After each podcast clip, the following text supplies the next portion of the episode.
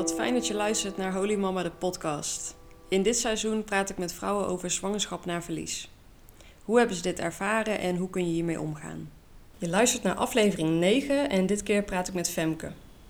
Femke werd niet zwanger en ging uiteindelijk naar de fertiliteitspolie. Ze stond op het punt om hormonen te spuiten en toen bleek ze toch ineens natuurlijk zwanger te zijn geraakt. Het geluk veranderde al snel in verdriet, want hun baby Lennon had trisomie 18, Edwards-syndroom. Uiteindelijk hebben ze de bijna onmogelijke keuze gemaakt om de zwangerschap af te breken. Femke vertelt over hoe ze tot die keuzes zijn gekomen en wat het met haar heeft gedaan om dit te moeten besluiten. Ook hebben we het over wat haar heeft geholpen om hiermee om te gaan. Na het verlies kreeg ze nog een miskraam. Ze vertelt hierover en over de twee zwangerschappen na het verlies. We hebben het over hoe open ze is over haar verhaal, juist om anderen te helpen, zodat er meer openheid komt en mensen er ook meer over durven te praten. Mocht je iemand zoeken om over dit onderwerp te praten, dan kun je Femke benaderen via Facebook. De link vind je in de beschrijving. Je vindt er ook nog een link naar een website met uitgebreide informatie omtrent zwangerschapsafbreking. Nou, fijn uh, dat we zitten, Femke. Ja, nou, fijn dat je er bent. Ja, ik vind het uh, leuk om met je in gesprek te gaan. En uh, weer een ander verhaal wat ik nog niet eerder heb gehoord. Ik heb tot nu toe miskramen en baby's die eentje die aan het eind van de zwangerschap is overleden. En baby's die al geboren waren, zeg maar, die zijn overleden. Maar bij jullie gaat het om een zwangerschapsafbreking. Ja. Dus ik ben heel benieuwd, want dat is natuurlijk weer een hele andere ervaring. Er komen hele andere emoties bij kijken. Ja, klopt. Dus uh, ik ben benieuwd. Zou jij je eerst even willen voorstellen aan de luisteraars? Uh, ik ben Femke, ik ben 41. Um, ehm, ik woon in Berlikum met mijn man en inmiddels uh, twee kinderen. Ja, zoals ik al vertelde net, uh, hebben jullie uh, de zwangerschap afgebroken. En daarna ehm, heb jij nog een miskraam meegemaakt, hè? Ja, klopt. Zou je ons eens even mee willen nemen in wat er allemaal gebeurd is? Um, in 2016 um, ehm, waren wij in het ziekenhuis voor... nou, dat was een onverklaarbare reden waarom ik niet zwanger werd. We deden een een traject bij de fertiliteitspolie. Mm.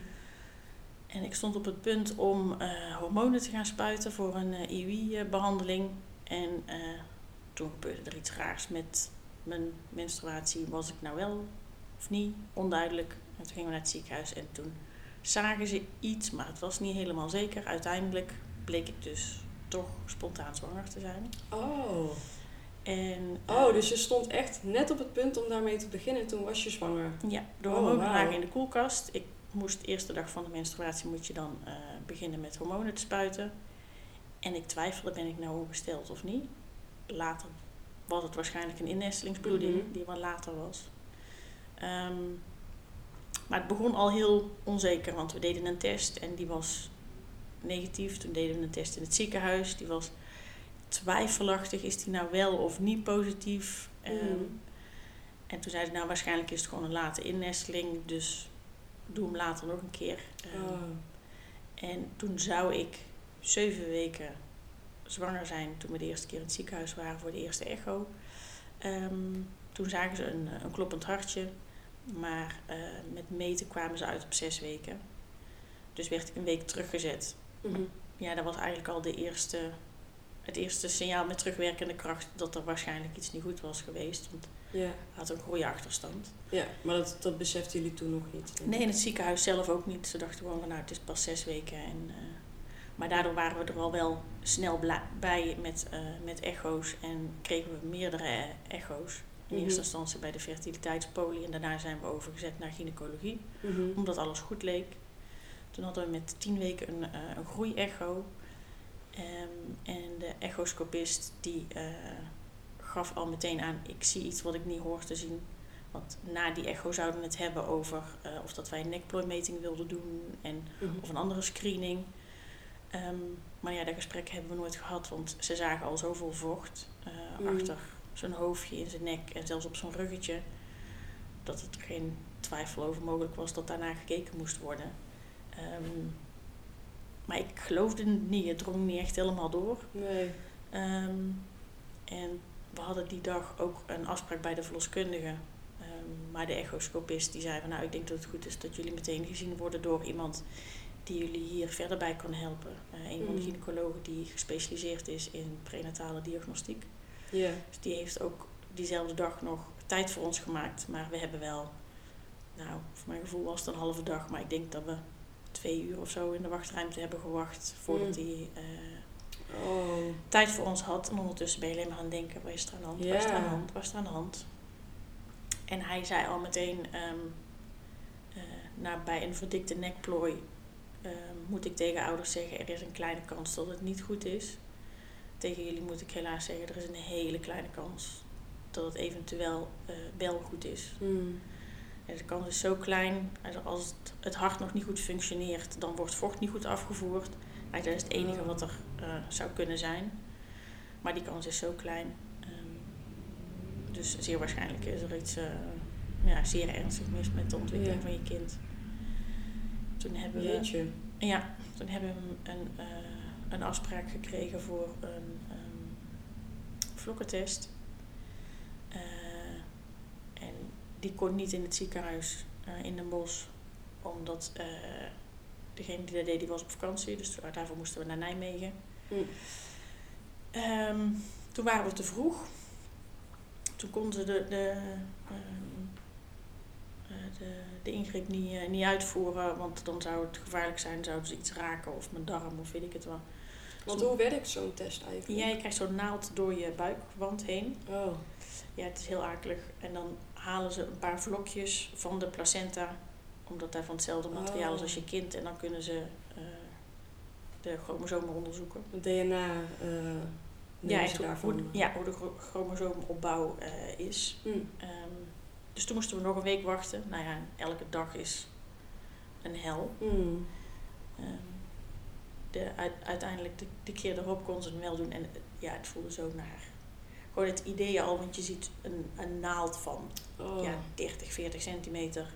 Die zie je en denk, nou dan kijk de andere kant op. Maar die zit in de buurt van je kind te, Oh ja, oh, dat gaat zo en tegen voeren. natuur in, denk Ja. ik dan, hè? En de kans dat er iets fout gaat, dat, er- dat je een miskraam krijgt door, die, eh, door dat onderzoek, is heel klein, maar toch.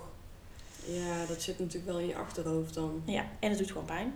Ehm, Ja, plus je zit al in zo'n gestreste stand, zeg maar. Ja. Dus dat helpt natuurlijk ook niet mee. nee, als je stress hebt, dan eh, komt de pijn ook anders binnen. Ja. Ja, dus dat was echt heel naar. Oh. Ehm, en ik weet nog, dat was op een woensdag en we zouden eigenlijk op maandag de uitslag eh, krijgen. En toen hebben ze gevraagd, mochten we eerder de uitslag hebben, ehm, mogen we je dan, eh, dan ook eerder bellen? Nou, ze belden die vrijdag al, Mm. belde de gynaecoloog op. Ehm, we hebben hela- helaas slecht nieuws. Eh, jullie kind heeft een chromosoomafwijking. Mm. En dat hadden we van tevoren al met onze eigen gynaecoloog besproken. Hij had al de scenario's geschetst van wat het waarschijn- zeer waarschijnlijk zou zijn. Want hij had ook op de echo gezien dat er een dwangstand was van handjes en voetjes. Dus die handjes en voetjes stonden krom in een, Oh. in een hoek die niet normaal is, die je waarschijnlijk dan ook nooit recht krijgt. Oh. En daar zijn wel tekenen van, nou ja, uiteindelijk van eh trisomie 18. Het syndroom van Edwards noemen ze het. Mm. En ehm, de kans was eh, zeer groot dat, nou ja, omdat het nu bij tien weken al eh, zo zichtbaar was.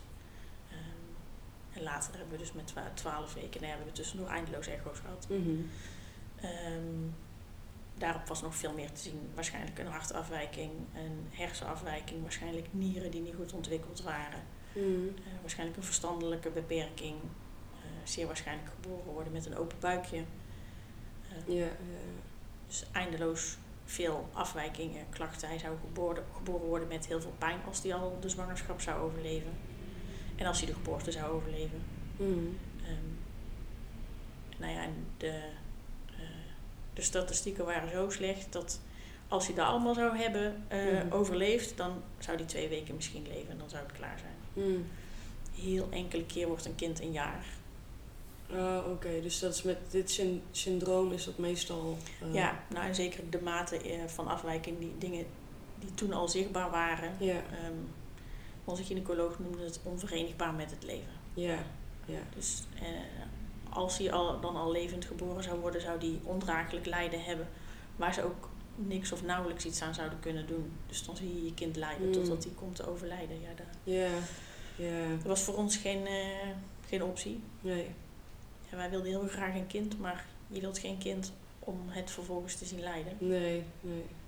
Dus eh, toen hebben we moeten besluiten om de zwangerschap af te breken. Ja. Ja. Lijkt me echt een onmogelijke beslissing om Ja. te nemen. Ja, want wij hadden eh, ergens hadden we van tevoren al besloten, als het het ergst denkbare scenario is, dan is er geen twijfel over mogelijk, dan hebben we geen keus. Mhm. Maar jij bent nog steeds degene die de keus moet maken. Ja. Jij moet tegen het ziekenhuis zeggen, ja, breek mijn zwangerschap maar af. Ja. En eh, nou ja, je kind is zo gewenst dat, ach, jeetje, Ja. het is, eh, het is nou bijna zes jaar geleden, maar als ik over die keus nadenk, Mhm. ik, ik kan op andere momenten over hem, eh, nou ja, vol, vol liefde praten en, eh, nou ja, zonder het verdriet, maar juist Mhm. alle andere emoties die erbij horen. Maar als ik praat over de keus die je moet maken als ouder om een zo gewenste zwangerschap te beëindigen, Mhm. ja, dat is, dat is onverdraaglijk. Dat is de verschrikkelijkste keus die je als ouder kunt maken. Want Ja. ja, je kunt het niet mooier maken dan dat het is. Je maakt een einde aan het leven van je kind. Ja.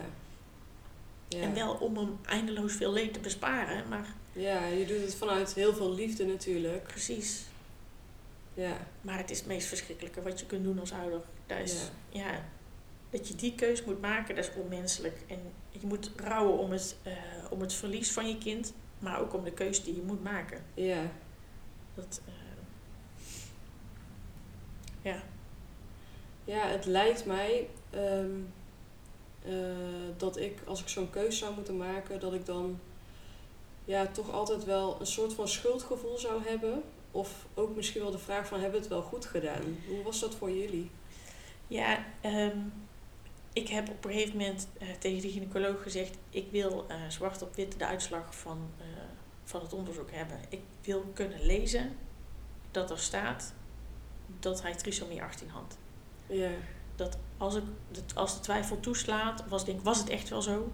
Was het echt wel zo erg dat ik het kan zien? Ja, En eh, hij heeft er alles aan gedaan om ehm, mij ervan eh, te overtuigen dat ik de goede keuze heb gemaakt. ja, Ehm, dat wij de goede keuze hebben gemaakt. Ehm, want, eh, nou ja, als, je, als hij benoemde wat hij al zag op een echo en wat er zeer waarschijnlijk nog meer bij kwam, daar heb ik mezelf steeds maar weer Mhm. van moeten doordringen. Want als je een echo zag, je zag hem vrolijk spartelen en bewegen. ja, Dus ik denk, ja, maar hij beweegt, hij leeft. Hij, hoe kan het nou niet goed zijn? ja. Ehm, Het is al zo tastbaar dan ook, denk Ja. ik. ja, en uiteindelijk heeft hij ook een, eh, een 3D-echo gemaakt. Zodat we een beetje konden zien hoe, eh, hoe dat hij eruit zag qua ontwikkeling en Mhm. qua groei. En, en daarin konden we zelf ook al wel wel zien van ja, het is niet... De vorm van zijn hoofd was ook een beetje eh, afwijkend. En Mm. ehm, uiteindelijk toen hij geboren is, had hij ook daadwerkelijk een open buikje. Je kon die Oh, dwangstand van die handjes, hoe klein het ook was, kon je het wel zien. En daar waren allemaal van die bevestigingen van ja, het, het was het beste. Ja, We hoeven er niet over te twijfelen. Voor hem was het gewoon eh, nodig. ja, ja. Nou, fijn dat je wel die gedachte in ieder geval ehm, daarna had. Ja, Van het is gewoon de beste keuze. ja nou, daar, dat ben je daar niet over hoeft te twijfelen nog. nee, daar ben ik zes jaar eh, na dato nog steeds van, van overtuigd dat dit voor hem het beste was. Mhm. Ehm, ergens had ik wel, eh, denk ik wel eens nog, oh, had ik niet maar langer moeten wachten, dan was hij wat meer kindje geweest. Mm. Want nu is hij geboren en was hij ja, ongeveer net zo groot als mijn hand. Ja, Dus echt vasthouden kun je het niet. Maar dat is dan heel egoïstisch gedacht. Ik wilde een kind vasthouden. Maar ja, had ik hem aangedaan als hij nog groter had moeten groeien? ja. En misschien ook wel had ik mezelf aangedaan door hem eerst nog eens te voelen in mijn buik voordat ik Mhm. hem dan van hem moest bevallen. Dus Ja. ja, Ja, ik denk dat dat ook niet. Ja, dat is misschien ook een beetje dubbel. Ik heb eh, in aflevering 2 heb ik eh, eh, met Marije hierover gehad. En zij had een kindje, ja, ik kan, die, ik kan die naam van die afwijking niet uitspreken, maar met een open schedel. ja. Ehm, en dat is dus ook niet met leven verenigbaar. Maar zij heeft er dus voor gekozen om de zwangerschap wel te voldragen. Hem dan geboren te laten worden En dan, nou ja, dan zou die ook heel snel overlijden. Ja. Ehm, maar hij heeft geen pijn gehad. En, eh, maar goed, dat is wel... Ja, zij vond het heel fijn dat ze dat nog kon doen. Ja. Maar het is natuurlijk wel... Ja, je hebt dan... Ja, je voelt het inderdaad. En Ja, je raakt er steeds meer aan gehecht al. Dus, ja. Nee, ik denk dat het heel dubbel is, want het heeft iets moois. Ja. Ehm, want dat is de enige herinnering die je op kunt bouwen met je kind. Ja, En die heb je dan wel. Ehm, maar ik denk dat het voor, voor mij te moeilijk was geweest. Dat was alleen maar mijn lijden uitstellen. Ja. Uitrekken, uitsmeren. En, ehm, en bij mij was het ook niet gegeven dat ik mijn zwangerschap uit kon dragen. Het zou e- elk Mhm. willekeurig moment mis kunnen gaan. Ja, Ja, en wie weet waar ik dan ben. ja, En ben ik dan alleen? ja, ja, ja. En hoe gaat het dan? Wat gebeurt er dan? Precies, dus Ja. daar, dan was het heel fijn dat we nu eh, het konden plannen. En dat we samen konden zijn. Ja, en erop voorbereiden. Precies. Ja, ja. En toen, hoe ging het toen verder? Ehm, nou, het ziekenhuis heeft ons fantastisch begeleid. Ehm, de- Want met hoeveel weken was dat? Was dat met tien weken dan? Nee, met tien weken was de echo en eh, uiteindelijk met eh, twaalf weken eh, de vlokkentest. uit- Daar werd uiteindelijk 13 Oh weken. ja, dat gaat natuurlijk, daar gaat even Ja, tijd de over. afbreking was uiteindelijk met 15 weken. Ja, dan is het al best een groot kindje. hè? ja, hij was gewoon helemaal af. Hij was Ja. alleen nog heel klein en teer en kwetsbaar, Ja. maar alles zat erop en eraan. Ja, Wat zo, ja, het is ook fascinerend, want je ziet dus hoe een kindje eruit ziet in, eh, in zijn ontwikkeling in je buik, wat je normaal Ja. gesproken niet ziet. Die huid is heel dun en, eh, en doorschijnend. Hm. Dus je ziet al die, nou zo'n mini-mini handje, daar zie je die, eh, die middenhandsbeentjes en zo, die Oh, kootjes, alles zie je zitten. Het heeft ook iets magisch. Je denkt, oh, je bent, waar ben je klein en waar ben je magisch mooi. En ja, ja, je bent gewoon echt, je bent mens. ja, Ja, mini, klein, maar wel af eigenlijk. ja. Ja, en het is, het is gewoon jullie kindje. Ja. Nou, en waar ik van tevoren had gedacht, ehm, ik, eh, ik kan vanaf nu alleen nog maar huilen en ik breek in duizend stukjes, had de gynaecoloog gezegd van, nou, weet ook dat op het moment dat hij er straks is, als, eh, als hij bevallen is, dan ga je ook ehm, geluk voelen en je gaat trots zijn. Ja, En ik dacht, ja, tuurlijk. Ik ga huilen en ik hou nooit meer op. ja, Ehm, mijn vader heeft foto's gemaakt in het ziekenhuis. En eh, er is een foto, en het klinkt heel luguber, maar hij lag in een, eh, een klein kistje, wat een klein kistje bij hem besteld ehm, eh, op internet. Fantastisch, die, die site, dat het bestaat. Ehm, en daar hadden we hem ingelegd in een knuffeldoekje van een knuffeltje wat we Mm. van mijn oom en tante hadden gekregen. Eh, en hij lag daarin en wij waren daar samen naar aan het kijken. En mijn vader legt het vast en je ziet gewoon twee trotse ouders. ja, Dat, is, dat had ik van tevoren echt niet, niet gedacht. Ik geloofde het ook echt niet. nee, Maar het was, het was zo'n mooi moment ook. ja, ja. Ja. Dus Ja, je bent toch, je, jullie zijn toch ouders. ja, En jullie kindje is er. ja, precies. Ja. Ja. Ja. Ik heb dat ook wel van iemand anders gehoord. Ze zei van, ehm dat vond ik zo'n mooie uitspraak.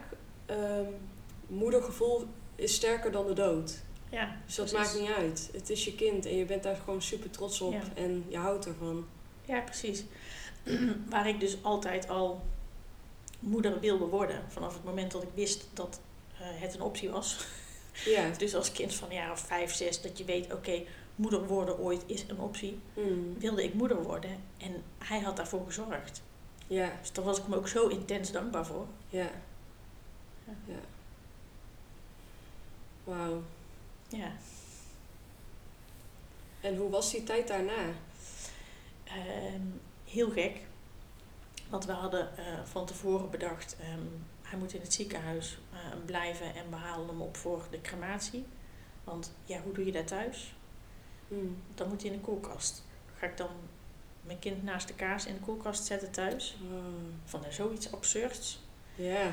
Ehm, ja, bij ons was natuurlijk... Ja, Bodie was al een grotere baby, dus daar, die lag op zo'n koelplaat. ja, Maar dat is met zo'n kleintje is natuurlijk wat kan anders. dat niet. Nee, en, want dat was in het ziekenhuis ook. nee, we konden hem een tijdje vasthouden, maar daarna moest hij weer eh, gekoeld worden. Want nou ja, dat houdt niet eh, zo lang. En, Mm. ehm, maar gelukkig hebben wij twee koelkasten in huis. En de ene Ja. heeft uh, Wico uiteindelijk helemaal leeggemaakt, schoongemaakt. Er lag nog één plankje in en daar had hij een, um, een bloemetje op gezet. En het, Oh. het was ineens geen koelkast meer. Ja. Want wij werden 's ochtends wakker en uh, ik zei tegen Wico, wij gaan hem hier niet laten. Hij moet mee naar huis. Ja. En toen was hij heel erg opgelucht dat ik daar vond, want dat was zijn gevoel ook. Oh ja, fijn. En toen is hij dus een aantal dagen nog bij ons thuis geweest. En um, daar ben ik zo blij mee. Mm. Want uh, nou ja, we woonden nog niet zo lang in ons huis. En uh, ik denk dat ik ons huis niet meer leuk had gevonden als hij er niet was geweest. Mm. Want we hadden al bedacht, nou, wij waren naar een andere kamer gegaan. Want nou ja, onze kamer zou zijn slaapkamer worden. Nou ja, die ging dus nooit gevuld worden. Um, dus wat doen we dan daarmee? Dan blijft de kamer altijd leeg. Ja. En nu is hij thuis geweest en is hij in zijn kamer geweest. En daardoor was het, ja, was het ook oké of zo. En dan was het al iets meer toch zijn kamertje. Ja, en is het ook zijn, zijn huis geworden. Ja. En um, nou ja, mijn vader heeft uh, de, uh, de crematie geregeld. Want ja, dat moet je ineens allemaal zelf doen. Mm. En uh, zelf betalen ook. Want Ja. het is niet geregeld voor de 24ste week, meen ik dat dat toen was. Ik weet niet of dat nu is. Um, vanaf 24 weken is een kindje met de moeder mee verzekerd. Oh, daarvoor niet? Daarvoor niet. Toen tenminste niet. Ja. Dus mijn vader heeft zelf contact opgenomen met het crematorium en al die dingen geregeld. Oh. Lijkt me ook heel heftig om te moeten doen voor je eigen kleinkind. Ja. Um, maar het gaf hem ook wel iets om te doen. Mijn vader is graag praktisch bezig en wil graag helpen. Dus Mm. Ja, daar zo heeft- heeft hij zijn steentje kunnen bijdragen. Ja, precies. Um, dus toen hebben we uh, bij ons thuis met, uh, met onze ouders en mijn broer uh, hebben we afscheid genomen. En toen zijn wij hem samen naar het crematorium gaan brengen. Nou, Mm. dat is echt het ergste wat ik ooit heb moeten doen. Mm-hmm. Mijn kind achterlaten. Dus Mm.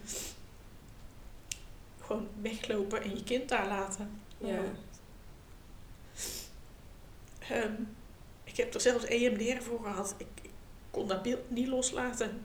Mm. Ik, het, het overspoelde me ook steeds dat verdriet. Het werd, het, ging, het werd niet minder. Het werd niet... Het, zak, het zakte niet. Dat was zo verlammend. Mm. Um, nou ja, dat is gelukkig nu wel uh, hanteerbaar. Maar um, en, nou ja, wat heel fijn is, normaal gesproken heb je zo'n wachtperiode na een crematie. Moet je daar, weet ik het hoeveel weken op wachten voordat je de as uh, op kunt halen. Oh. Dat was uh, bij hem gelukkig niet. De volgende dag Mm. konden we de as al ophalen. oh, dat is fijn. En toen was ik ook zo blij dat hij er weer was. Ja. Um, en we hebben een klein harturntje. Daar zijn as in. En een vriendin van mij heeft daar een knuffel voor gehaakt. We hadden bedacht, we willen hem vast kunnen houden en dat kan niet. Dus we moeten iets tastbaars hebben. Dus toen dachten we, ja, ik zou hier een knuffel moeten hebben. Nou, ik heb het internet afgestruind, er was niks. Nee. En toen uh, heb ik een vriendin gebeld. En nog voordat ik de vraag had gesteld, toen zei ze, mag ik alsjeblieft die knuffel voor je maken? Mm. En, um, het is een beertje geworden. Oh. En uh, achter in zijn rug zit een opening. En daar zit het urntje in. Oh, heb ik later zelf dicht uh, gemaakt. En, uh, en nu is die knuffelbaar. Ja. Want ja, zo'n urntje is nou ja, een centimeter of tien, denk ik. Ja. Als je het ergens op de kast neerzet, dan is het zo, valt het zo weg. Het is zo klein, het is zo ielig. Ja. En, um, en bij mijn kindje vind ik zo'n knuffel ook zo goed passen. Het is zo uh, nou ja, Ja. aaibaar, zeg maar. Ja. Ja, mooi. minder hard. Ja. Ja. En die ging in het begin ook overal mee naartoe. Ja. Stopte ik hem in mijn tas. Waar ik ook naartoe ging, denk ik, ja, ik kan mijn kind toch niet alleen thuis laten. Ja. Was zo'n raar gevoel. Mm. Maar ook met het idee van, stel nou het, hand, het huis brandt af. En ik ben niet thuis. Dan moet die knuffel mee. Ja, Ja. Dat gevoel ben ik gelukkig wel kwijt. Want anders loop ik overal met een beer rond. Ja. Maar uh, ja, ik ben wel heel blij dat, die, uh, ja, dat ik hem heb. En uh, Ja, mooi. nu we willen, vooral mijn, mijn dochtertje is nou 3,5, maar toen ze uh, wat kleiner was ook, wilde ze af en toe gewoon even beer een kusje geven en even vasthouden. Ja. Lief. Ja. Ja. Zo is uh, Lennon er toch nog een beetje bij. Ja, precies. Hij is echt tastbaar, zichtbaar in, uh, in ons huis aanwezig. Dat vind ik heel fijn. Ja, mooi. Ja, ik weet dat er ook uh, een bedrijf, bedrijf is het volgens mij gewoon, die maken van die, ook van die knuffels. Ja, van die herinneringsknuffels van foto's. Nee, maar die doen daar een gewicht in. Een oh. konijn is het volgens mij. Die maken okay. gewoon altijd hetzelfde konijn, maar dan wel met de kleuren die je zelf wil. En daar doen ze dan een gewicht in, het geboortegewicht van je kind. Ja, ja bij de ene is dat heel klein, bij de andere is het iets groter uh, natuurlijk. Maar... Ik, ik, weet niet eens, want volgens mij, hij is niet eens gewogen. Dus oh, hij nee. was zo klein. Daar, ja, ja. je voelde het ook bijna niet echt gewicht in je hand. Dus nee. Dan ja, volgens mij hebben ze voor de allerkleinste, hebben ze volgens mij, ik weet niet of ze daar ook dat gewicht, uh, volgens mij doen ze dat niet met gewicht. Mm. Hebben ze gewoon een heel klein knuffeltje volgens ja. mij. Dat is ook wel mooi. Ja.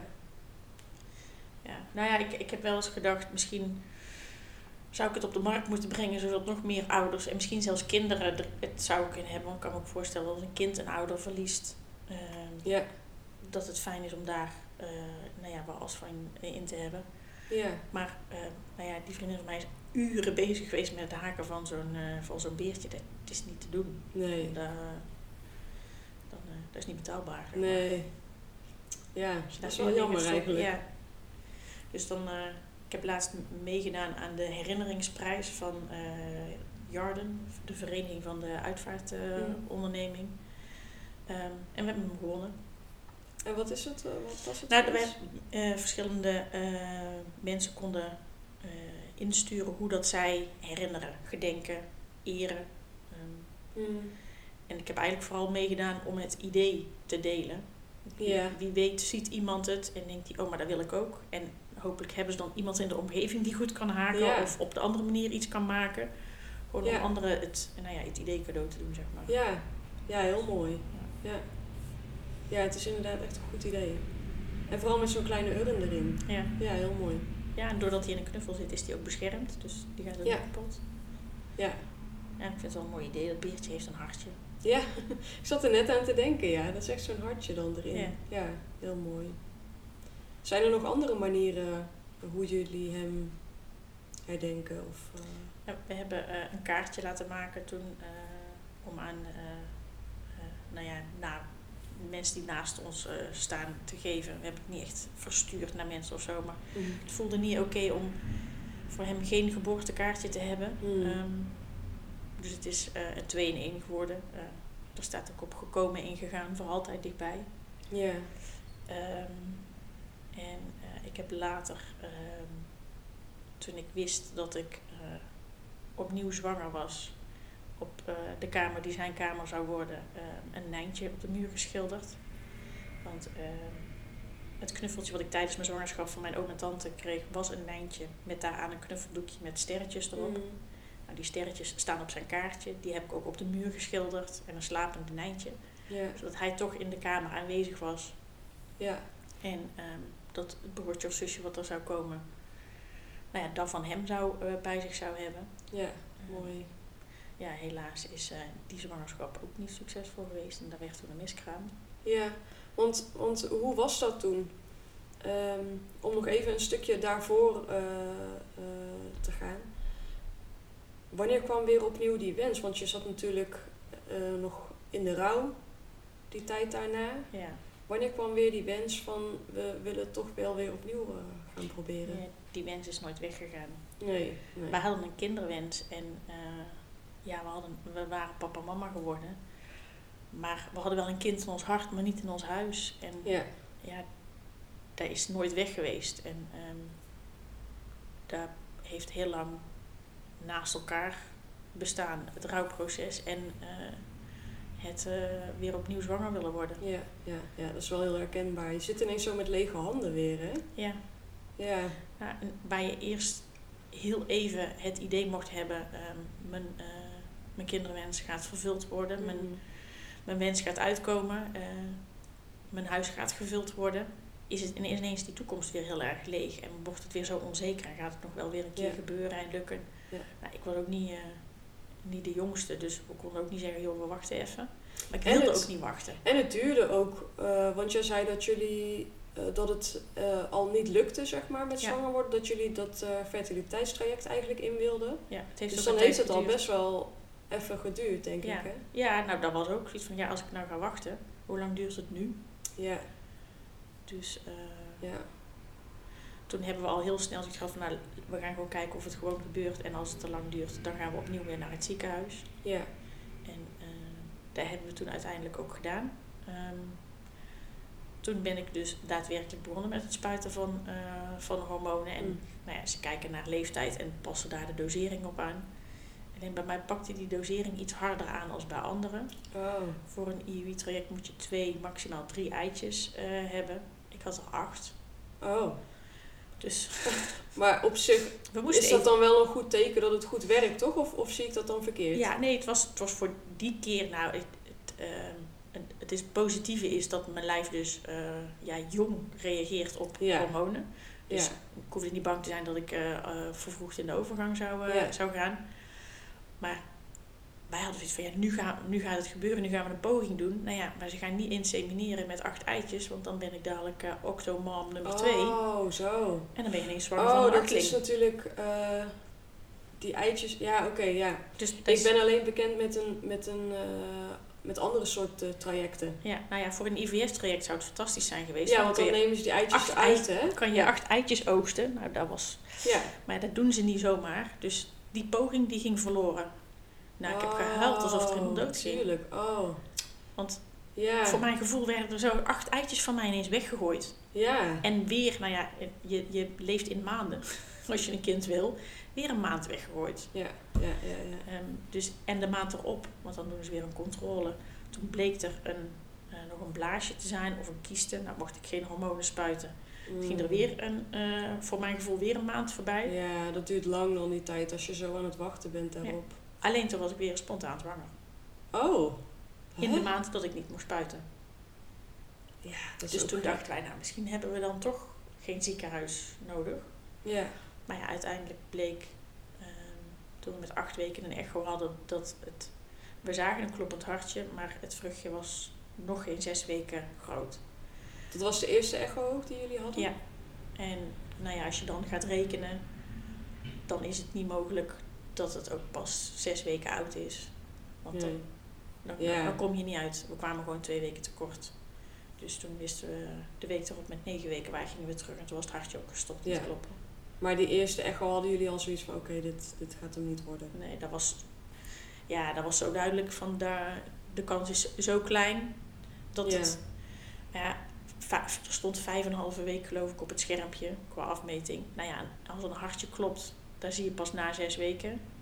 Het is te klein, dus ja. Ja. En als je dan gaat rekenen wanneer Ja. zou het dan... Moeten zijn gebeurd. Dan... Het klopte niet. Nee. Het kon gewoon niet. Daar was gewoon weer duidelijk van, er zit weer een... eh, iets niet, is iets niet goed gegaan in groeien. Ja. En ehm, nou, het was weer intens verdrietig. Maar ik was ehm, dat kindje zo dankbaar dat die er zelf voor heeft nou ja, gekozen maar, Mm. om, eh, om te stoppen. Dat we niet weer voor een onmogelijke keuze stonden. Dat we Ja. niet weer zelf iets af hoeven te breken. Ja. Ja. Maar ja, het is, eh, het is weer een klap terwijl je nog in een rouwproces zit. Mhm. En, eh, maar het voelde al van het begin af aan onwerkelijk dat ik weer zwanger was. Hm. Ik durfde het ook niet te geloven. Ik zei op een gegeven moment tegen eh, iemand: Het is alsof ik mijn, eh, mijn cadeautje heb ik uitgepakt, maar het plasticje zit er nog omheen. Mm. Dus je kunt zien wat, wat het is. Zo van: Oh ja, dat is het cadeautje wat ik heel graag wil hebben. Maar ik laat het plasticje er nog even omheen zitten, want misschien moet hij nog terug. Misschien moet ik hem weer inleveren, zeg maar. Ja. Ja. Ik mag hem nog niet echt hebben. Het voelde zo, ja, het klopte niet of zo. Ja, dus dat voel je wel aan eigenlijk dan. Ja, en of dat het dan een, een voorgevoel is geweest, of dat het mijn eigen voorzichtigheid is geweest, van ik durf er niet in te geloven, dat weet ik niet zo goed. Mm. Ehm, maar ik kwam in, in het ziekenhuis en die echo die, eh, was dus niet goed. En toen was het zo, ja, zie je wel, Ja. ik wist ja. het. Ja. Ik heb dat wel vaker gehoord hoor, dat vrouwen dat aanvoelen. Ja. Dus ik denk dat dat best goed kan kloppen, jouw gevoel. Ja. Ja. Ja, Jeetje, nou, en toen?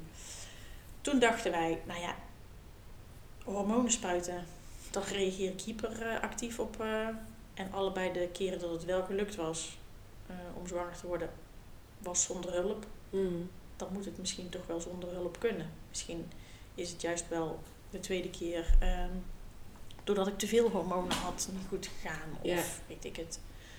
Toen had ik iets van, nou dan gaan we het dus gewoon maar even zonder het ziekenhuis proberen. Ja.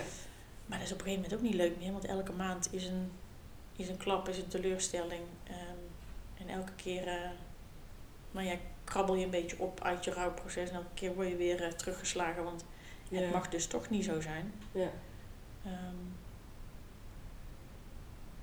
en de miskraam was in april en april, een jaar later, waren we toch weer in het ziekenhuis voor. eh, nee, nee, eerder. In maart waren we voor de eerste keer weer in het ziekenhuis voor dan toch maar een Ja, maar er is dus alweer bijna een heel jaar overheen gegaan. En ehm, nou, dan toch maar met, eh, met een beetje hulp. De eerste poging was niet, eh, was niet succesvol. En daar voelden we eigenlijk van tevoren al, ook al een beetje aan. Want nou ja, je, je spuit hormonen en dan moet je een bepaalde dikte van je baarmoederslijmvlies hebben. En dat was zo net wel net niet goed genoeg. Mhm. Toen dacht ik al, nou, dit gaat hem niet worden. En de maand erop ehm, hadden we de, eh, de inseminatie gehad. En wij gingen het ziekenhuis uit. We stonden op de roltrap naar beneden. En ik zeg tegen Wico, ik ben zwanger, dan weet je dat vast. Hm. Ik was er heilig van overtuigd. Daar, op dat moment, op die roltrap, voelde ik het aan alles. Ja. Ik denk dat eh, een paar uur later was ik het weer kwijt. Maar dat gevoel, die overtuiging was zo sterk. Ja. Daarna nam mijn hoofd het denk ik over of mijn angst of weet ik Ja, het waar ging ja. twijfelen. Maar op dat moment was ik er zo heilig van overtuigd. Dit is gelukt. Ja. Nou ja, dat bleek dus uiteindelijk ook. Ja, Twee weken later positieve test. Ja. Ja. Wauw. En toen, hoe voelden jullie je? Ehm, heel onwerkelijk. Ik geloof dat ik eh, in ehm, drie, vier dagen tijd wel eh, acht zwangerschapstesten heb gedaan. Hm. Ik had elke keer weer die bevestiging nodig van dat plusje of dat streepje op die test van het is echt zo. Ja. En dan moet je wachten totdat je naar het ziekenhuis mag voor de, de echo die gaat bevestigen.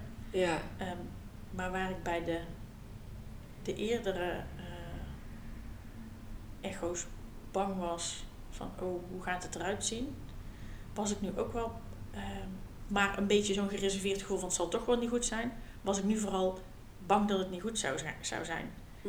Ehm, maar had ik niet eh, die terughoudendheid. Dus misschien ergens wel meer durven hopen of zo, ik weet het niet. Maar ik durfde Ja. het gevoel wel misschien iets meer toe te laten. Ja. Maar ik vond het doodeng.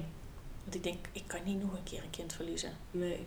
Nee. En eh, ja, je, je hoort en leest verhalen van vrouwen die het intens vaak meemaken. En Hm. die gaan ook door en die blijven ook staan. Dus als je moet, dan doe je het. Maar op dat moment voelde ik, ik kan het niet nog een keer. Nee. Ehm, maar ja, het bleef eng.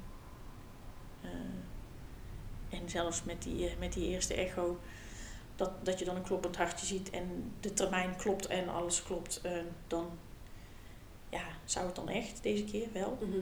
En,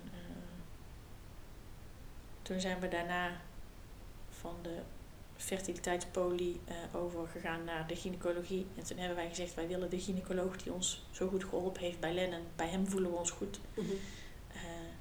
Hij, nou ja, hij, hij zit op eh, prenatale diagnostiek, om het zo maar even te zeggen. Dat is zijn Ja. expertise. Ja. Als er iets is, kan hij het zien. Ehm, dus als hij zegt dat het goed is, geloof ik het ook. Ja.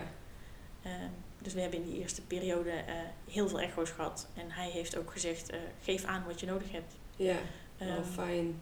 als we, we plannen gewoon een aantal echo's vooruit, dan weet je, dan kan ik, dan ben ik er weer, dan ben ik er weer. Mhm. Maar als het tussentijds eh, nodig is en eh, het wordt, wordt je te veel of de spanning wordt te veel, dan ehm, laat het weten en dan, eh, dan gaan we gewoon nog een keer Ja. kijken. En met elke echo groeide het vertrouwen. Ja. Oh, fijn. We hadden met acht weken de echo bij de fertiliteitspolie en met negen weken waren we bij hem. En hij was zo enthousiast. Hij zei, hij, was, hij was aan het kijken en hij had een inwendige echo gemaakt. Hij zei, maar dan kan ik het nog beter zien. Prima, Ja. Kijk goed en zorg dat je weet. En hij zei, oh, en hier zie ik dit en hier zie ik dit en dit ziet er goed uit en dit ziet er goed uit. Oh, dat is zo fijn lijkt me om dan zo iemand te hebben. Ja, en hij zei, ik kan je natuurlijk geen garanties geven.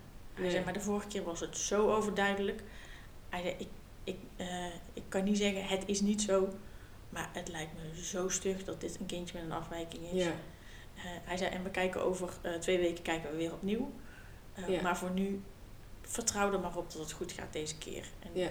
nou ja, elke keer lukt het om steeds beter ja, ja. los te laten en te vertrouwen. En ja, het blijft eng. En ik heb vanaf het begin af aan gezegd, pas als ik een, uh, een gezond uh, kind in mijn armen heb, dan ga mm. ik uh, ontspannen.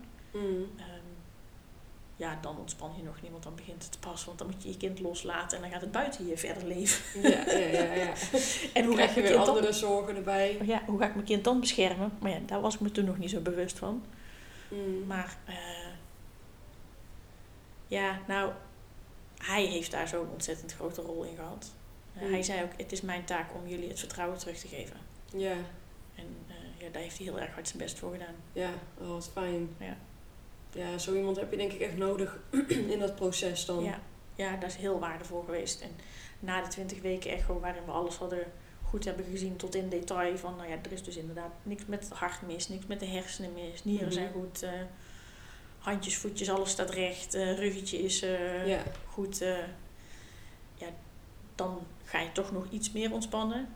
Maar de ontlading bij de geboorte gaf toch wel aan dat, dat er toch nog iets meer spanning in mijn lijf en in mijn zijn zat dan dat ik mezelf bewust was. Want hoe was dat dan op dat moment? ik, nou, ik, ik begon zo ontzettend te huilen. Dat ik um, uh, ja, alsof ik mezelf ervan overtuigd had dat ik, uh, dat ik het wel geloofde en dat ik er wel vertrouwen in had. Maar dat toen ik, pas toen ik er vast had, dat ik zoiets had van, oh je bent er echt. Mm. En je bent oké. Okay. Ja. Een soort van opluchting of zo. Ja. Ik heb ook eindeloos tegen gezegd, ik ben zo blij dat je er bent. Ik ben zo blij dat je er bent. Ja. Ja. Ja ja, het, het is gewoon eng. Want ook al weet ik dat het niet uh, aan mij heeft gelegen, ik heb toch wel de hele zwangerschap gedacht: kan mijn lijf dit wel?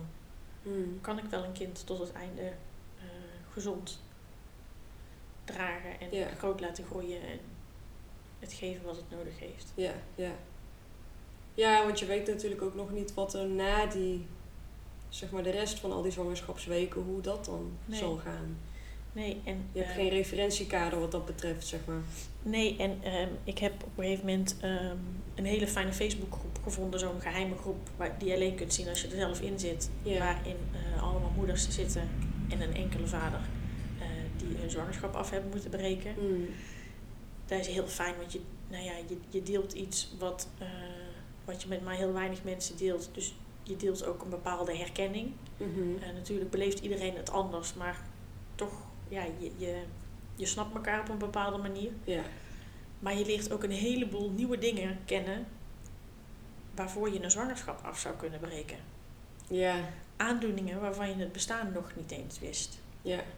Dus waar um, ik in mijn omgeving een heleboel uh, vrouwen onbezorgd zwanger zag zijn. En zo van, ja, zwanger worden, dat doe je gewoon. Kinderen, die neem je.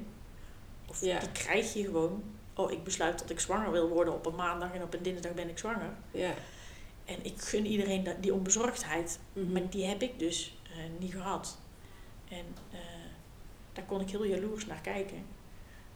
Maar ergens was het ook, deed ik het mezelf ook een beetje aan. Want nou ja, ik hoorde al die verhalen van al die andere vrouwen. Wat er dus allemaal nog meer mis kan zijn. Behalve trisomie 18. Ja. Ja. En nog steeds gaat het vaker goed dan dat het fout gaat. Ja. Dus ja, de statistieken waren al uh, eerder tegen ons. Dus, ja. ja, waarom zou het niet toch een keer mis kunnen gaan, denk je dan? Ja. Ja. ja. De kans van 1 op 4000 dat je kind uh, trisomie 18 heeft. Ja, wij hadden hem. Ja. Ja. Ja, die onbevangenheid die, uh, die, is, er wel vanaf. Ja. ja. Ja. ja. en als dan mensen zeggen van, jij geniet ervan, hè. Mm. Oké. Ehm, moet dat dan van jou of zo? Ben jij dan gelukkiger als ik ervan geniet? Ja. Ja, nou, als je ervan kunt genieten, dan is het heel fijn. Maar ehm, naast die, zwanger, of, naast die ehm, Facebookgroep is er ook nog een, een, een sub-Facebookgroep voor vrouwen die daarmee hebben gemaakt en die opnieuw zwanger zijn. Mhm. Eh, daar uh, drukten we elkaar vooral op het hart. Als je niet kunt genieten, dan hoeft dat ook niet. Nee. En dan eh, doe je je kind niks aan. Je doet jezelf niks aan. Het is niet zo dat je dan minder van je kind houdt of dat je minder blij bent met tegen zwangerschap. Ehm, maar genieten is gewoon heel erg moeilijk als je bang bent. Ja, ja.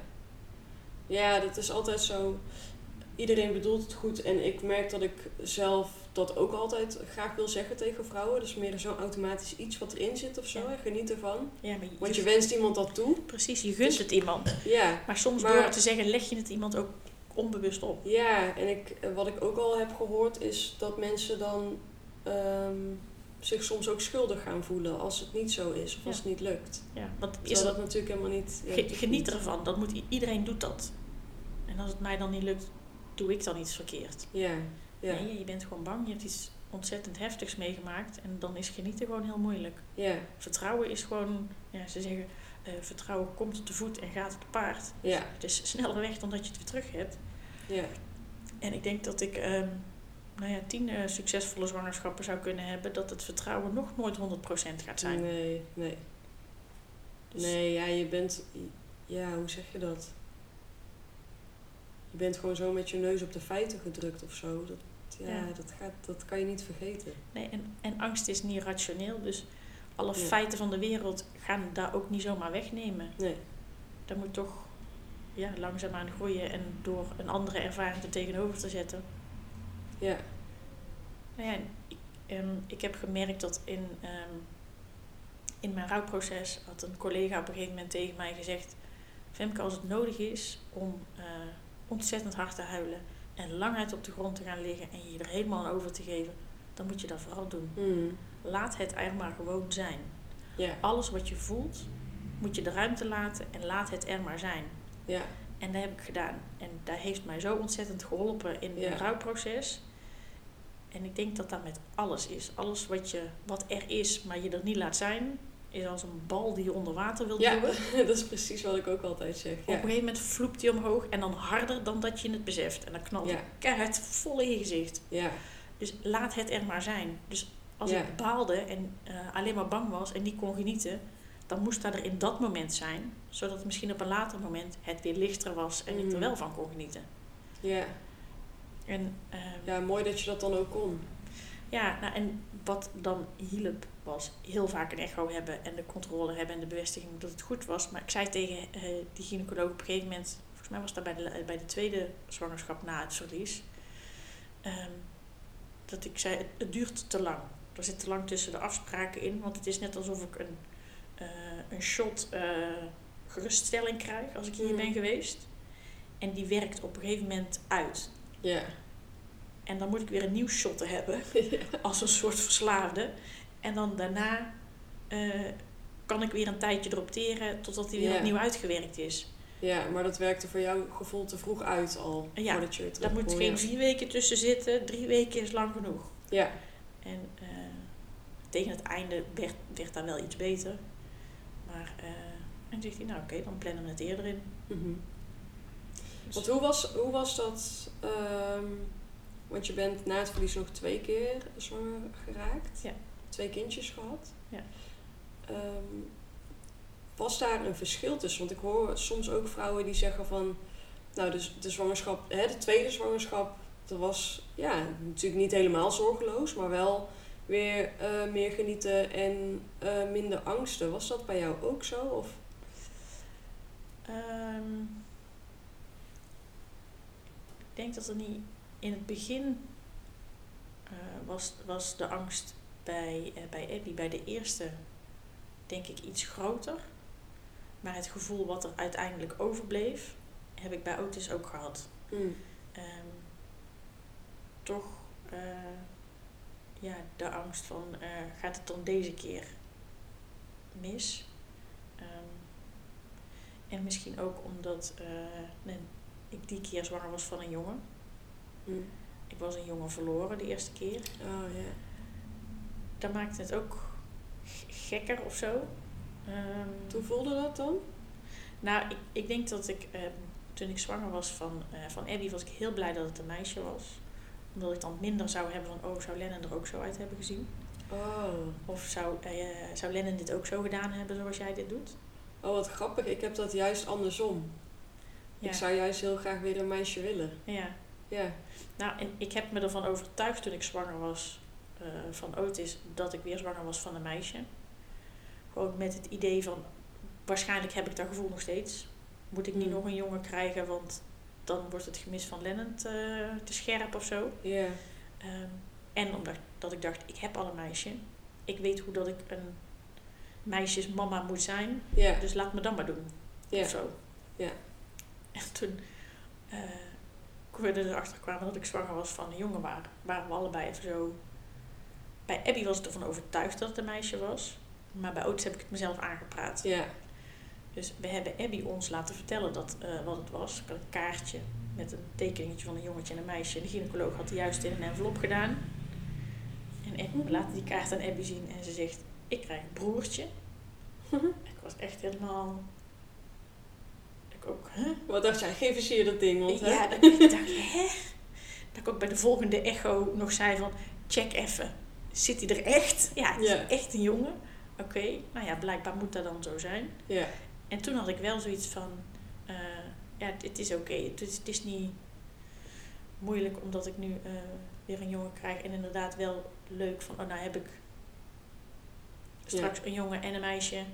En eh, misschien ga ik Lennon dan ook een beetje in jou zien. Ja. Maar ik denk dat ik dat de eerste keer te, te heftig gevonden zou hebben of Ja. zo.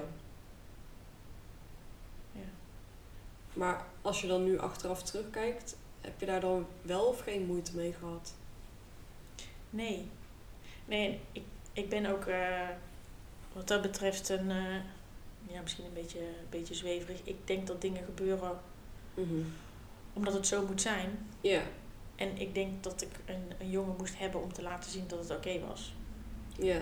En ehm, dat, eh, Om dat stukje nog eventjes te helen, Ja. op te lossen, zeg Ja. maar.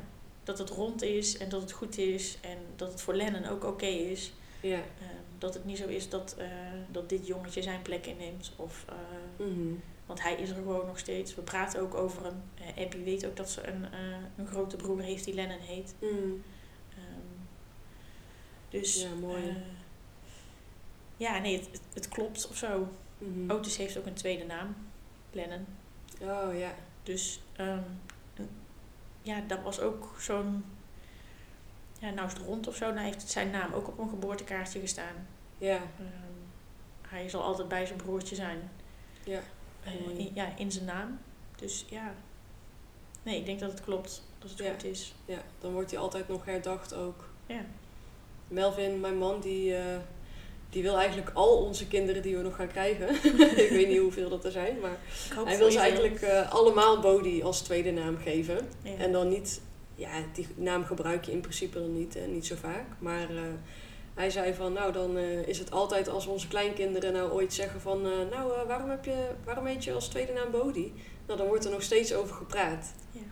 Ja, van, Ja, dat was mooi. mijn grote zus. Ja. Ja. Ja, nou en dan- dan kun je letterlijk die naam doen of een variant ervan. Ja.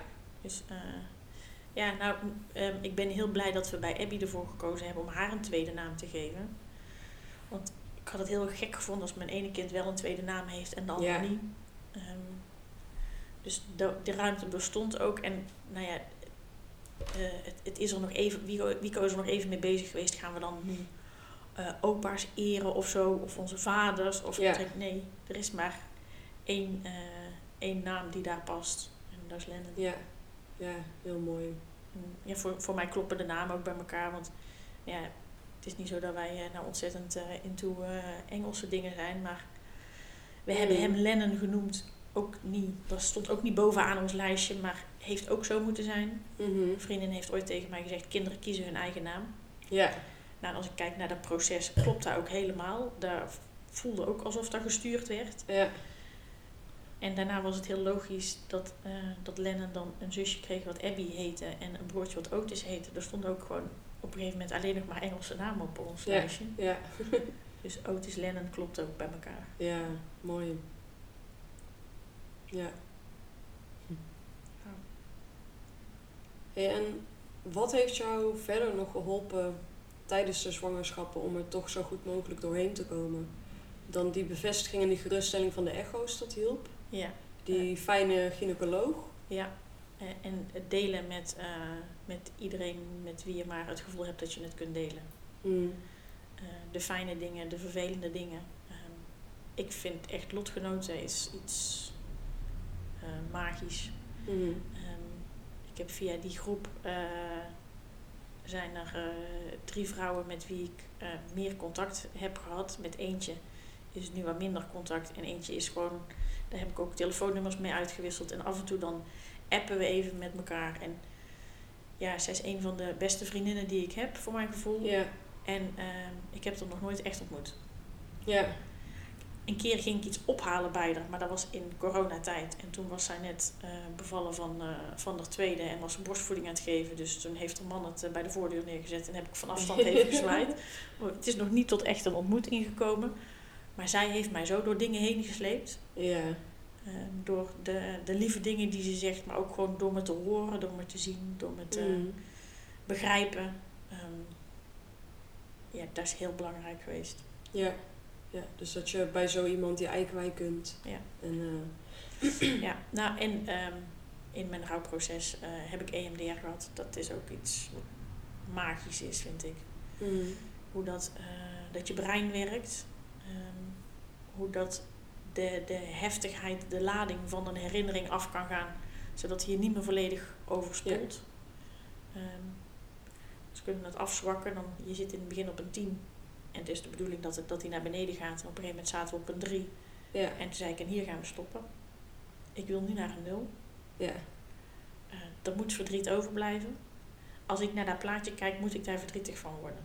Ja. Want het is iets wat verdrietig is. Ja. Het klopt niet dat ik daar niks bij voel. Of dat ik denk, oh ja, dan moet bedenken, dat was verdrietig. Mm -hmm. Ik hoor daar verdriet bij te voelen. Ik, ik gun het mezelf en mijn kind dat ik verdriet om hem heb. Ja. ik gun het mijn kind ook um, dat het niet verlammend werkt. Ja. En dat het niet mijn leven in de weg gaat zitten. Want ik wil niet dat zijn herinnering een last voor me wordt. Mm. Maar het moet er allebei zijn.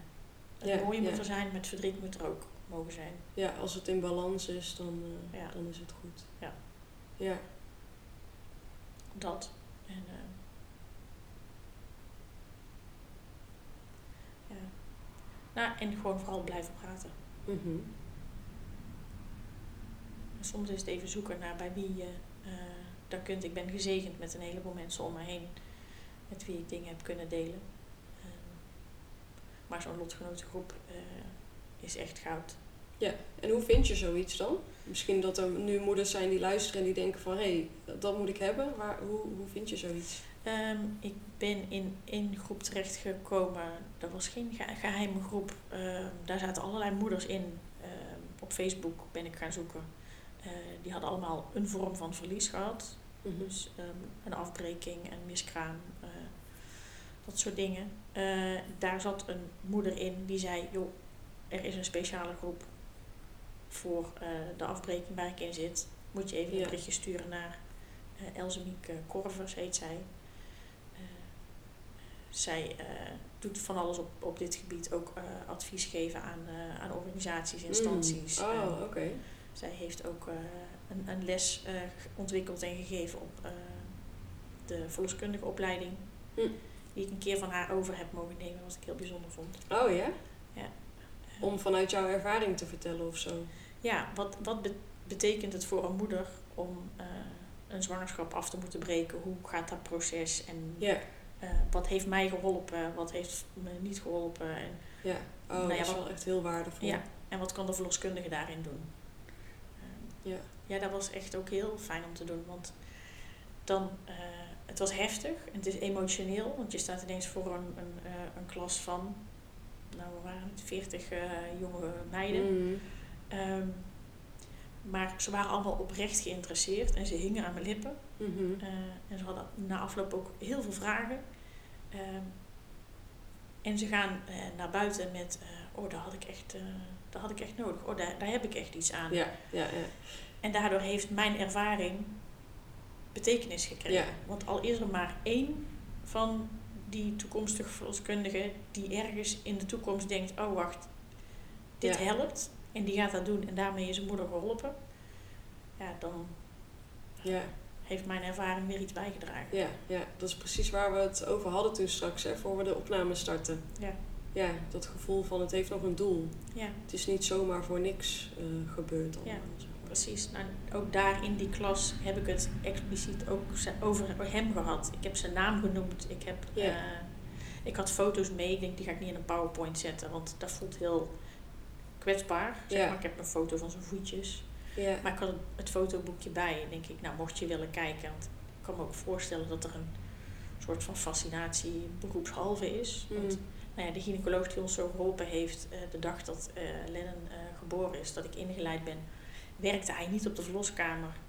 Maar hij aan het einde van zijn dienst is hij langsgekomen oh om even naar ons toe te komen. En, maar ook om Lennon te zien. Ja, En dat vond ik ook heel bijzonder. Kijk, en hij kijkt naar hem zo van, oh dit is jullie kind. Mhm. Maar hij kijkt ook met een, een beroepsfascinatie. ja, En, want eh, nou ja, hij was dus geboren met een open buikje. En dat wil hij toch even zien. ja, En doordat, hoe dat hij het gedaan heeft en hoe integer dat hij is, mag hij dan ook van mij of zo. Hij Ja. voelt niet als een, weet ik het, een pottenkijker of een ramptoerist. Of, Nee, ja, niet zo alsof het een kermisattractie is waar die eventjes... eh, nee, het is, het is heel respectvol. Ja, En, ja. eh, nou, en dat had ik bij, bij, die, bij die studenten dus ook. Kijk, als je dit wil zien, als je weet hoe dat, wil weten hoe dat eruit ziet, denk ik, nou ja, liever dat je dat nu hier ziet. En mocht je Ja. ervan schrikken, liever dat je schrikt van de foto van mijn kind. Ja. Als straks in de praktijk ja, terwijl ze Van- daar staan met eh, van, van, van iemand eh, zijn kind waar die bij, zelf bij is. Ja, Dus ehm, ja, nee, dat was. ja eh, mooi dat je dat zo hebt kunnen doen. Ja, dat gaf zoveel energie. Dat was echt. ik, was, ik was gesloten, maar ik ging ook stuiterend naar huis, zeg maar. Ja, ja. Ja. Ja, mooi. En als je zo terugkijkt op alles, had je dan iets anders willen doen?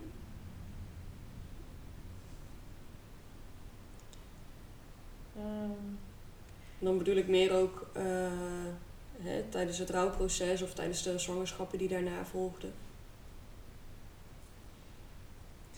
nee, ik denk dat ehm, door dicht bij, ehm, bij je gevoel te blijven, ehm, dat je het dan altijd goed doet voor jezelf. Hmm. En eh, dat je, jezelf niks opleggen en ehm, doen wat goed voelt en eh, ja, toelaten wat je voelt. Dat het, dan, dat het dan goed is. En Mhm. ik denk dat wij dat heel goed gedaan hebben. Ja. Dat we ook er goed voor gezorgd hebben dat we elkaar niet verloren zijn. Hmm. Want ja, mannen rouwen anders dan vrouwen. Ja. Eh, Ja. En elke persoon rouwt weer op zijn eigen manier. En eh, het gevaar bestaat dat je elkaar verliest. Hmm. daarin. Ehm, dus denk ik dat is ook belangrijk om dat in het oog te, te houden. Hoe, kun je het samen blijven doen, ondanks dat je allebei je eigen nou ja, manier hebt. En Mhm. kun je elkaars manier respecteren, maar toch in verbinding blijven. En ik denk dat wij Ja. dat heel goed hebben gedaan. Dus ehm, nee, het heeft me alleen meer geholpen om eh, te denken, ik moet open zijn over dingen. Hmm. Ik moet het delen met anderen, niet alleen voor mezelf. Ehm, zodat het voor anderen ook makkelijker wordt. Dat als ik ehm, open praat over dingen die ik moeilijk vind, dat anderen misschien ook makkelijker gaan praten over dingen die ze moeilijk vinden. Mhm. Of doordat ik mijn ervaring deel, dat als ze iemand anders treffen in een soortgelijke situatie, dat ze weten hoe dat ze die persoon kunnen Ja. helpen en steunen. Ja. Dus ehm, nou ja, het niet uit de weg gaan, maar juist daarna vragen. En, Ja. Ehm, nou, wat, eh, toen jij dus straks binnenkwam, wat ik zei van joh, eh, vertel me hoe je dochter heet. Want Mhm. naam uitspreken is zo waardevol. Ja. Ik heb gemerkt dat het voor mensen kwetsbaar is of voelt of dat ze bang zijn dat ze iets aanraken wat pijn doet. Mhm. Eh, En dan wil ik ze laten weten dat uh, mijn kind, het is mijn kind, dat kan geen pijn doen. Kijk, het verlies van, van Lennon doet pijn. Maar uh, hij is mijn zoon, dus praat alsjeblieft over hem, noem zijn naam. En ja. doe daar ook voor anderen, want door zijn naam te noemen is hij er weer even. En er zijn zoveel ouders die hun kind moeten missen, maar laat hun kind er even zijn door zijn naam uit te spreken. Mm Dus ja, ik ben misschien nog meer gaan delen dan dat ik al deed. Ja. Ik ben niet iemand die zegt, uh, oh ja, nee, het gaat goed als het niet goed gaat. Mm Kijk, niet iedereen hoeft het hele, het hele verhaal te horen, maar als het niet goed gaat, mag je dat ook best weten. Ja. En, uh, ja. Ja, dat. Ja, ik vind dat ook hoor. Ik, ik zeg ook heel vaak tegen mensen, nou het gaat op en af. Ja. Ja. Het is ook een beetje hoe het, hoe het meestal gaat, denk ik, Ja. na zoiets. Nou ja, en als ik, uh, als het, als ik in een moment zit dat het uh, af is, dan uh, als iemand vraagt hoe gaat het, ja, kut. Ja. Ja. Het is niet jouw schuld, doe jij niks aan, je hoeft er verder niks mee. Nee, ja. Maar weet dat het kut met me gaat. Ja. Ja. Mensen krijgen dan toch wel vaak de neiging, merk ik ook, om het te willen oplossen. Ja. Maar goed, er valt ook niks op te lossen. Want je, dat is denk ik ook precies wat je net zo mooi zei. Je moet het toch gewoon laten zijn. Ja. En dan lost het zich vanzelf wel op. Of dan zakt het weer. Ja, en er ontstaat dan vaak een ongemakkelijkheid omdat mensen inderdaad het gevoel hebben, ik moet hier iets mee. Mhm. Nee, hoor het alleen maar aan. Ja, En als je niet weet wat je moet zeggen, zeg dat. ja, En als je denkt, dit is heftig, zeg dan, joh, dit is heftig. ja, Daarmee doe je iemand recht, want het is heftig. ja, En je hoeft het niet lichter te maken, je hoeft het niet makkelijker te maken. Daarmee kun je juist iemand kwetsen. mhm. Want het kan een situatie eh, bagatelliseren, wat niet Ja. je intentie is. Maar laat het er maar gewoon zijn. Zeg, joh, ik ben even mijn woorden kwijt. Nou ja, Ja, ja, gewoon dingen benoemen ook zoals het Ja. is. Je eigen emoties of wat je ervan vindt. ja. Ja. Als er ooit een situatie is waarin eh, je je woorden kwijt kunt zijn, dan is het wel als iemand een kind verliest. Dus ja, Mhm. zeg dat dan maar. Ja. Ja. Ja, mooi. Heb jij nog iets anders? Want je hebt al best wel veel tips eh, gegeven en inspiratie om met dingen om te gaan. Heb je nog andere dingen die jij mama's die nu luisteren eh, wil meegeven? Ehm. nee, nou ja, ik heb eh, ooit gedacht in de tijd dat wij in het ziekenhuis waren, er moeten specialisten komen in het ziekenhuis die ouders hierbij begeleiden. Bij ons is de maatschappelijk werker er even bij eh, geweest. Maar die is meer aanwezig geweest bij een gesprek wat Wico en ik met elkaar hadden. En die voegde niet zoveel toe, want die, had, die wist niet wat ze moest doen. Die had Ja. daar niks mee. Het was een beetje te, te vaag. Ehm, Ja. ik denk dat het goed is dat je iemand in je omgeving eh, hebt die eh, weet waar die het over heeft, die je snapt. En dat Mhm. kan iemand zijn die het ook mee heeft gemaakt, of het kan een professional zijn die zich daarin gespecialiseerd heeft. Mhm. Ehm, en soms is het, is het even zoeken, maar ehm, nou ja, Elsemiek is er, eh, is er zo één. Eh. En die Facebookgroep die, eh, die barst ervan. Maar er zijn tegenwoordig ook verschillende ehm, coaches die erin gespecialiseerd zijn. Mhm. Ik zie dat er uitvaartondernemingen ontstaan voor, voor kinderen. Ja, ja. Voor te vroeg geboren kindjes. Een hele waardevolle ontwikkeling.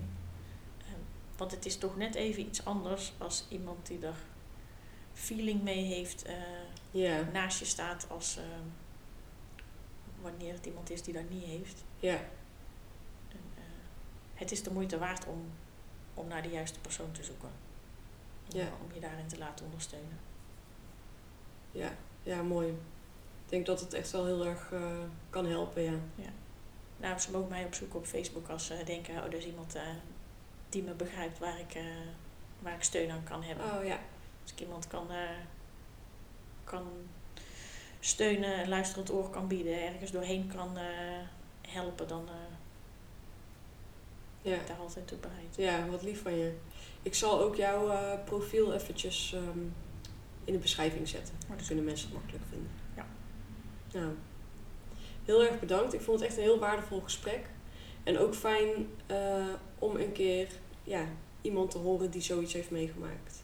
Want ik denk dat je dit nog minder hoort dan eh, ja, dan een ander soort verlies of miskraam. Of, uh, daar hoor je sowieso al te weinig over, vind ik. Ja. Maar dit, of het ligt aan mij, hè? dat is misschien mijn ervaring, dat kan ook. Maar, nee, er wordt niet heel veel over gesproken, inderdaad. Nee, nee. Dus, uh, ja, dankjewel. Nou ja, jij dankjewel dat je dit doet. En dat je een platform creëert waar uh, moeders steun kunnen vinden. Ik vind het heel bijzonder wat je doet. Ja, nou, fijn om te horen. Dankjewel. Graag gedaan. Heel erg bedankt voor het luisteren. Ik geef zo meteen alvast een preview voor volgende week, maar eerst even dit. Ik waardeer het heel erg als je me laat weten wat je van deze aflevering vond. Ik ben namelijk erg benieuwd of je er wat aan hebt gehad. Ik hoop met deze podcast zoveel mogelijk moeders te kunnen helpen en hiervoor heb ik jouw hulp nodig. Help mee om deze podcast zoveel mogelijk bekend te maken. Laten we samen het taboe rondom miskramen en babyverlies doorbreken en help zo ook andere vrouwen die hier wat aan kunnen hebben. Deel de podcast zoveel mogelijk op social media en laat een review achter. Vergeet ook niet om Holy Mama te volgen op Instagram en Facebook, zodat je niks mist. In de volgende aflevering ben ik in gesprek met Maartje Lute. Ze verloor haar zoontje toen hij twee maanden oud was. Ze is maker van Magazine Nel en heeft haar eigen podcast over gelukkig zijn na het overlijden van je kind. Haar missie is om mensen een ander perspectief op de dood te geven. Luister volgende week naar aflevering 10.